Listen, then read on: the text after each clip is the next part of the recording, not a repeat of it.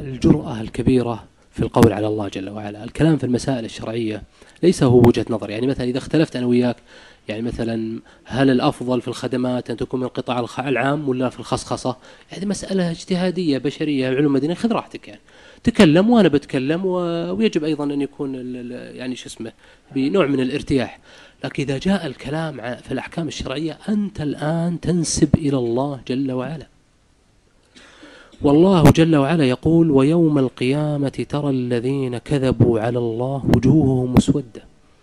فإن نسبت إلى الله وكنت كاذبا ستأتي يوم القيامة وجهك مسود. ويوم القيامة ترى الذين كذبوا على الله وجوههم مسودة. ويقول الحق تبارك وتعالى انظر كيف يفترون على الله الكذب.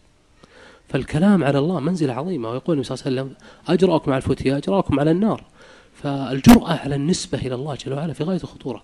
ولا تصدر إلا عن شخص ضمر تعظيم الله في قلبه. إذا كمل تعظيم الله جل وعلا في القلب ما استطاع الإنسان أن يفتي. في الصحيح في كتاب العلم ذكر البخاري في الصحيح في كتاب العلم ذكر كيف كان يتدافع أهل العلم الفتية حتى ترجع إلى الأول.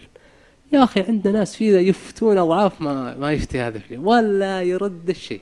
بل أحد الأقارب قبل فترة قال لي أنا أصلا أرى جواز الأغاني. قلت له وش الدليل؟ قال بدون دليل لا من كتاب ولا من سنة.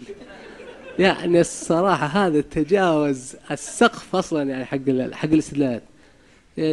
يبدو عنده نظرية جديدة بس ما ما أتاح الوقت تصوير أنها الموضوع ما هو بكذا يعني خلاص لا, لا تكبر الموضوع واستفتي قلبك وأنتم تدققون على قضايا صغيرة وكذا كان كان يتكلم هو كان متنرفز.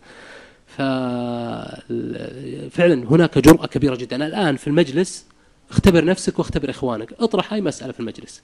الذي قرأ عنها والذي لم يقرأ عنها يتكلم. يتكلم ويجزم وأحيانا نتخاصم ونتشاجر.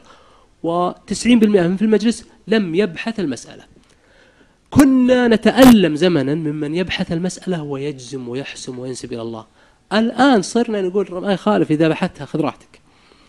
صرنا نتألم ممن يتكلم وهو ما بحث المسألة ما قرأها.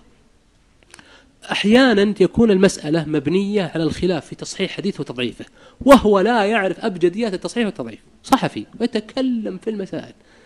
ثم يقول آه ترى قرار هيئة كبار العلماء أن ما أحد يفتي إلا من ترخص له الهيئة وهو شغال فتاوى صحفي يوميا. فجرأة لما؟ ضعف تعظيم الله. ذلك ومن يعظم شعائر الله فإنها من تقوى القلوب.